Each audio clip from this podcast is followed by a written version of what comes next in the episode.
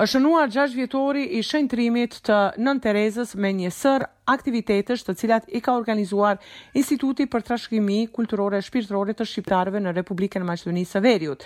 Por, aktiviteti qendror është zhvilluar në Teatrin e Operës dhe Baletit, me ç'rast kanë marrë pjesë personalitete të shquara nga bota e bamirësisë, si dhe është shfaqur program artistik.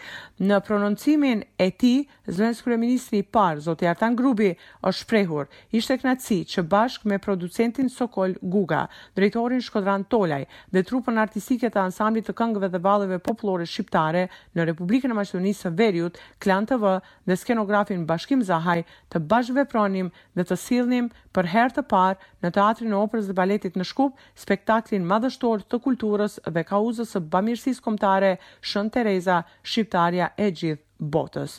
Kjo ngjarje do të mbahet mend gjatë për nga mjeshtëria dhe origjinaliteti i prezantimit artistik të thesarit tonë kulturor, por mbi të gjitha për mirënjohjen e shprehur ndaj personaliteteve të shumta që vazhdojnë të ruajnë shpirtin human të kombit në frymën e shqiptares së madhe Gonxhe Bojaxhiut që i mësoi botës nocionin e dhembshurisë dhe dashurisë së pastër ndërnjerëzore, ka përfunduar Grubi. Përndryshe, rreth dy orë e gjysmë është transmetuar programi në të gjitha rrjetet e televizionit Klan dedikuar Nënë Terezës, shenjtores së gjithë botës, në gjashtë vjetorin e shenjtërimit të saj. E nga ngjarje të tjera të rëndësishme në rrafshin diplomatik do të vlerësojmë takimin tet-a-tet që zhvilluan presidenti i Italisë me kreun e shtetit Pendarovski. Ky i fundit ka deklaruar se kanë biseduar për gjendjen aktuale në Ballkan, krizën energjetike dhe integrimin e vendit në Bashkimin Europian.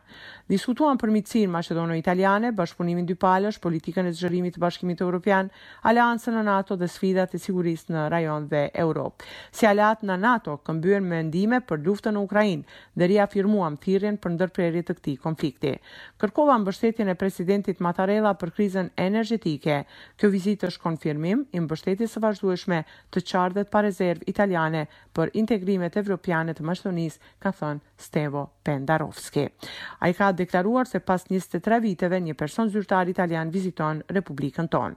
Republika e Maqedonisë së Veriut, ndryshe, ka lidhur marrëdhënie diplomatike me Italinë para tridhjetë vitesh. Pas takimit me presidentin, Mattarella është takuar me kryetarin e parlamentit, Talat Xhaferi, në kuadër të mbledhjes solemne, u është drejtuar deputetëve dhe përfaqësuesve qytetarë dhe fetarë në vend, më pas së bashku me presidentin Pendarovski janë përkulur para përmendores së Goce Dellçev në kishën Shën Spasi. Është shënuar tridhjetë e një vjetori i shtetformimit të Republikës së Maqedonisë së veriut. Ceremoni dhe lule për presidentët e mëparshëm janë vënë në një pjesë të shënimit të tridhjetë e një vjetorit të ditës së shpalljes së pavarësisë.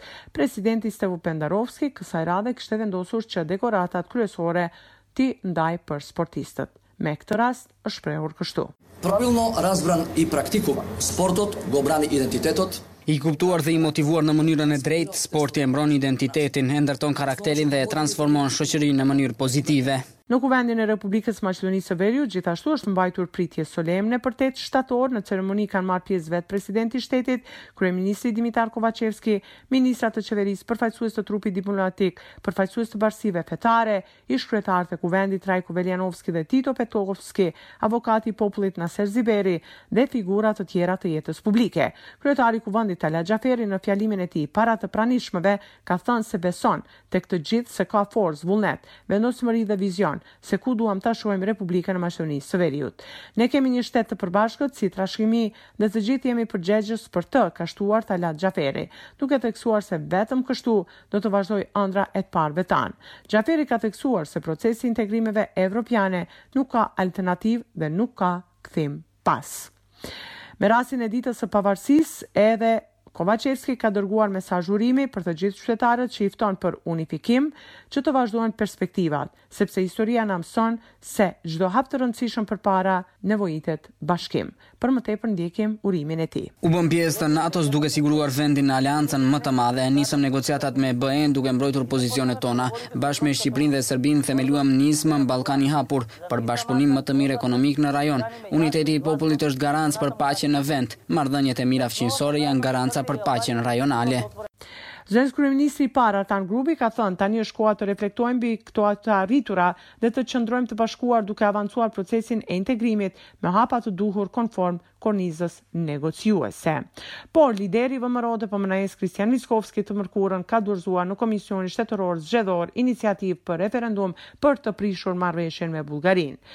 Gjatë ditës së premte, pritet që Komisioni Shtetëror Zgjedhor të dorëzojë atë Kuvendit dhe më pas komisionet parlamentare t'i konstatojnë nëse iniciativa qytetare është në rregull ose jo.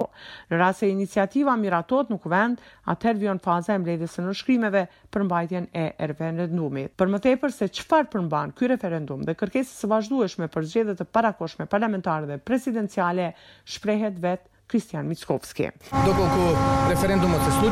Nëse mbahet referendumi, qytetarët do të kenë mundësi të deklarohen me po, që do të thotë të shfuqizohet marrëveshja, apo me kundër, që do të thotë se mbetet. U bëj thirrje qytetarëve, pa dallim të fesë, përkatësisë etnike, pa dallim cilit opsion politik i përkasin, u bëj thirrje organizatave qytetare, gjithë aktorëve shoqërorë për unifikim mbarëmaqedonas, dhe të rreshtohen kundër asaj që paraqet problem më të madh në procesin eurointegrues të Maqedonisë, marrëveshja me Bullgarinë. Kryeministri i vendit dhe lideri i LSDM-së Dimitar Kovaçevski ka quajtur antievropian referendumin e propozuar nga VMRO-DPMNE për shfuqizim të marrëveshjes me Bullgarinë, për të cilën opozita maqedone filloi të mërkurën procedura ligjore. Gjatë një aktiviteti partiak, të organizuar më tetë shtator, Kovaçevski ka thënë se në këtë mënyrë VMRO po bllokon rrugën evropiane të vendit dhe tha se në vend të bashkangjiten angazhimeve për përparim, ata luftojnë që zhvillimi i vendit të ngecë. Për më tepër ndjekim deklaratën e tij.